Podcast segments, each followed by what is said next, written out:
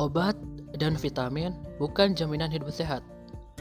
Jaga ucapan, jaga hati, istirahat cukup, makan dengan gizi seimbang, dan olahraga yang teratur, itulah kunci hidup sehat.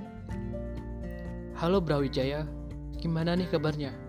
Balik lagi dengan kami dari Puskominfo EKMUB dengan aku Rian dan sohib aku Rahmat di EKM bercerita kali ini. Hari ini, tanggal 9 September, diperingati sebagai Hari Olahraga Nasional. Nah, untuk itu kami bakal ditemenin dari Kementerian Pemuda dan Olahraga, Eksekutif Keluarga Mahasiswa Universitas Brawijaya 2021 untuk ngobrolin tentang olahraga dan pandemi. Baik, silahkan dari teman-teman Pora buat kenalin diri dulu. Oke, terima kasih teman-teman Puskom. Halo teman-teman, kenalin nama aku Adimas Raffi Faresi Majid. Nah, di sini aku dari angkatan 2019 teman-teman, tentunya dari Fakultas Perikanan dan Ilmu Kelautan. Nah, kebetulan di EKM UB periode ini aku diamanahin sebagai Menteri Pemuda dan Olahraga Nah, di pagi hari ini tentunya aku gak sendiri ya teman-teman, karena pastinya ditemenin sama stafku yang paling kece nih, dan juga paling berprestasi. Mungkin bisa perkenalan diri Kak Dinda. Halo teman-teman, uh, kenalin aku Dinda Afilia dari Prodi Agribisnis Angkatan 2020. Nah, Rian dan Rahmat gimana nih kabarnya? Uh, Alhamdulillah kak sehat kita juga. Salam kenal juga ya kakak kakak kak, Dimas, kak Dinda. Halo. Halo kak Dimas, halo kak Dinda. Alhamdulillah nih, aku juga sehat. Oke, mungkin langsung aja kita ya.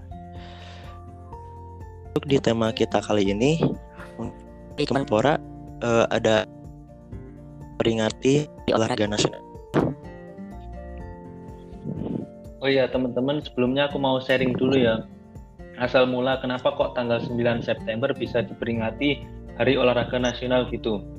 Sebelum nanti aku mau ngejawab uh, pertanyaan mengenai apa sih event yang dilaksanain Pora gitu. Jadi olahraga nasional sendiri ditetapkan berdasarkan tanggal pembukaan Pekan Olahraga Nasional atau PON pertama di Surakarta pada tanggal 9 hingga 2 November tahun 1948. Nah, tanggal pembukaan yakni 9 September ini dijadikan sebagai Hari Olahraga Nasional atau biasanya orang-orang menyebutnya H-Ornas. Nah, diperingatinya H-Ornas ini sebagai langkah awal gerakan kepada masyarakat untuk terus membudayakan olahraga dalam kehidupan sehari-hari. Jadi gitu teman-teman, asal mula kenapa sih kok tanggal 9 September diperingati H-Ornas? kalau dari Pora sendiri punya event ya namanya Refleksi Hari Olahraga Nasional. Nah, event ini nanti kita konsep talkshow teman-teman dengan tema bersama olahraga wujudkan pemuda pembangun bangsa. Nantinya kami bakal mengundang pemateri dari atlet maupun BNN Kota Kediri. Nah, event ini diselenggarakan secara daring ya teman-teman tentunya. Kita nanti menggunakan platform Instagram. Mungkin gitu Rian atau Rahmat. Oh gitu ya kak. Jadi emang ada sejarahnya juga ya kak tanggal 9 itu. Hmm, jadi tahu juga nih ya informasi yang baru gitu. Iya bener banget. Jadi nggak hanya sejarah tapi tahun 1948 itu juga kayak menjadi tonggak awal gitu persatuan bangsa Indonesia dari pekan olahraga ini gitu sehingga pada momentum itu diperingati sebagai Hari Olahraga Nasional. Oke nih kak, untuk eventnya tadi diadain kapan nih kak? Oh ya, untuk eventnya tadi diadain tanggal 13 September ini. Wah boleh nih untuk teman-teman bisa mengikuti event dari Pura tersebut. Oke, selanjutnya mungkin dari teman-teman pendengar ada nama apa 2021 nih. Sabi dari teman-teman Pora jelasin apa aja LOKM di bidang olahraga yang ada di UB Kediri.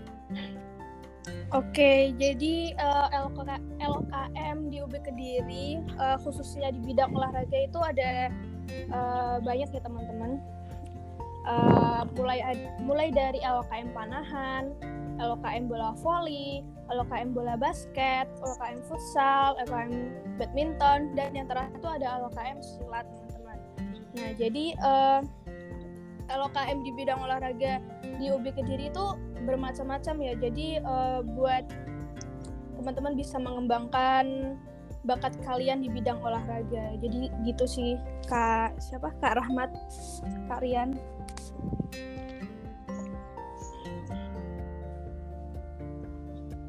Wah, berarti emang banyak banget ya. Ternyata uh, eh, LOKM yang ada di EKMUB apa di UB Kediri ini. Jadi teman-teman ya. yang maba tahun 2021 ini Sabila ikut-ikut itu daftar-daftar ramaikan. Betul okay. banget kak. Jadi uh, sedikit informasi juga uh, biasanya itu LKM tersebut bi uh, biasa latihan itu seminggu sekali maupun ada yang beberapa kali tinggal jadwal tinggal jadwal dari LKM-nya itu sendiri. Nah untuk tempatnya pun juga beda-beda kalian. Uh, ada yang di halaman kampus, ada yang di samping samping li, simpang lima futsal, Indoka dan lain-lain. Jadi nggak hanya di satu tempat gitu ya. Wow, ternyata emang udah ada jadwalnya masing-masing ya kak. Nah terus beralih ke tema kali ini, uh, kita dapat ketahui nih bahwa Pandemi COVID-19 turut mengakibatkan penutupan pusat kebugaran, stadion, kolam renang, pusat fisioterapi, dan sebagainya. Akibatnya banyak orang yang tidak dapat berolahraga secara individu maupun kelompok. Bahkan untuk kegiatan fisik di luar rumah mereka mengalami hambatan. Nah, menurut kalian alternatif olahraga apa sih yang bisa dilakuin pada masa pandemi pandemi ini? Nah, ini sebenarnya agak berat ya teman-teman soalnya ini seperti kita dihadapkan pada yang udah berjalan terus tiba-tiba kayak nggak bisa gitu nah dampaknya juga begitu besar ya contohnya kayak gini dampak ke pelaku olahraga dan tempat-tempat olahraga. Kalau untuk ke tempat-tempat olahraga sendiri dampaknya yaitu penutupan tempat olahraga sehingga bisa membuat pemasukan. Nah pemasukan ini kan juga dampaknya nanti ke karyawan terus ke pemilik. Sehingga kalau nggak ada yang olahraga atau tempatnya ditutup ini kan bisa susah ya teman-teman buat mengelola atau merawat perlengkapan olahraga dan lain-lain. Nah, kalau untuk kegiatan olahraga sendiri dari kami memiliki banyak alternatif ya teman-teman. Pertama ada skipping atau lompat tali. Nah, untuk skipping ini sendiri teman-teman nggak membutuhkan banyak tempat teman-teman bisa di halaman atau di kamar sendiri juga bisa yang penting teman-teman jangan sampai kalau di kamar nanti nge-skippingin kursi atau meja gitu ya teman-teman nah untuk alternatif olahraga lain itu ada yoga nah yoga sendiri ini udah booming ya teman-teman memiliki berbagai manfaat contohnya kayak untuk manfaat fisik dan mental dari seseorang selanjutnya Rian aku punya alternatif olahraga yang sangat murah atau sangat gampang buat dilakuin yaitu jogging. Nah, jogging sendiri ini bisa kita lakukan 15 menit per hari. Kemudian ini nih, aku punya satu alternatif lain gitu yang memiliki dampak yang besar terus kita nggak butuh tempat yang luas yaitu naik turun tangga. Nah, sehari aja kita naik turun tangga 5 sampai 10 menit itu bisa membantu kesehatan atau menjaga kesehatan jantung serta memperkuat otot kaki dan paha dari teman-teman yang bisa melakukan olahraga ini. Mungkin itu Rian atau Rahmat mengenai alternatif olahraga ya. Wah, ya, ternyata emang banyak banget ya alternatif yang bisa dilakuin uh, kalau walaupun kita di rumah aja gitu. Jadi buat teman-teman nih yang lagi dengerin podcast ini, jangan malas-malas buat olahraga ya. Apalagi uh, di situasi pandemi kayak gini kan butuh banget nih imun tubuh agar terhindar dari berbagai penyakit. Salah satunya COVID-19 ini. Iya, benar banget Rian dan Rahmat. Oke, aku mau nanya nih, dari awal pandemi sampai saat ini, apa yang terjadi dengan event-event olahraga di Indonesia? Oke, uh, mulai dari awal pandemi sebenarnya itu ketika awal pandemi sampai sekarang uh, seperti masa-masa transisi ya kegiatan olahraga di Indonesia ya tentunya mulai dari penutupan-penutupan tempat olahraga bahkan event-event olahraga juga banyak yang dibatalkan atau ditunda ya. Nah namun uh, seiring berjalannya waktu event-event olahraga uh, itu sudah mulai bisa dilaksanakan kembali. Namun ketat. Nah, untuk beberapa event yang batal atau ditunda itu uh, contohnya seperti Formula E 2019-2020 itu uh, yang awalnya akan dilaksanakan pada bulan Juni 2020 di Monas, Jakarta. Terus selanjutnya ada kualifikasi Piala Dunia 2020 di mana Indonesia itu melawan Uni Emirat Arab. Tapi kemarin dengan berjalannya waktu itu sudah mulai bisa dilaksanakan seperti Piala Menpora RI, final Pro Futsal League, League, gitu kak. Hmm, gitu ya. Emang sih selama ada pandemi ini emang segala kegiatan tuh jadi terhambat gitu ya kak. Betul banget kak, apalagi uh, untuk para uh, itunya juga kasihan juga ya kak apa jadi dibatalkan atau diundur seperti itu iya kasihan banget ya terus uh, dari Olimpiade Tokyo kemarin nih Indonesia tentunya mem memperoleh prestasi-prestasinya meskipun di tengah pandemi. Gimana tanggapan dari teman-teman Pora nih dari event Olimpiade Tokyo kemarin?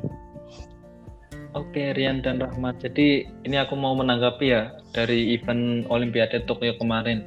Jadi event ini menjadi awal ya diselenggarakannya event-event besar. Terus semangat dan daya saing juga dari peserta yang sangat besar gitu. Apalagi ada yang dari negara mana gitu mengirimkan lebih dari 200 atlet gitu. Ini kan bisa menjadi sebuah awal gitu kalau olahraga itu bisa mulai kembali atau bisa melewati masa transisinya. Nah, apalagi kemarin juga Olimpiade Tokyo itu kan bisa ditonton secara langsung ya teman-teman. Jadi mungkin kalau Indonesia nanti mau menyelenggarakan event bisa belajar banget dari Olimpiade Tokyo. Gimana sih caranya di pandemi seperti ini agar tetap bisa menghadirkan penonton gitu teman-teman. Nah, dari Olimpiade Tokyo kemarin Indonesia sendiri alhamdulillah bisa mendapat peringkat 55 ya teman-teman dengan perolehan satu medali emas, satu medali perak dan tiga. Nah, semoga nanti Indonesia juga bisa menyelenggarakan event olahraga yang bisa ditonton secara langsung. Jadi gitu Rian dan Rahmat. Wah, cukup membanggakan juga ya, Kak. Dari satu emas, satu perak dengan dua perunggu ya, Kak tadi. Nah, teman-teman, uh, jadi kalau uh, ada teman-teman nih yang punya bakat atau minat di bidang tertentu, langsung aja daftar di LOKM yang ada di UB Kediri, biar bisa mengharumkan uh, bangsa Indonesia juga. Ya, benar banget Rian. Jadi sebenarnya kita bisa memulai sesuatu itu dari tempat-tempat terkecil atau dari lingkungan terkecil. Jadi contohnya kayak gini, di UB Kediri itu kan ada LOKM namanya Panahan gitu.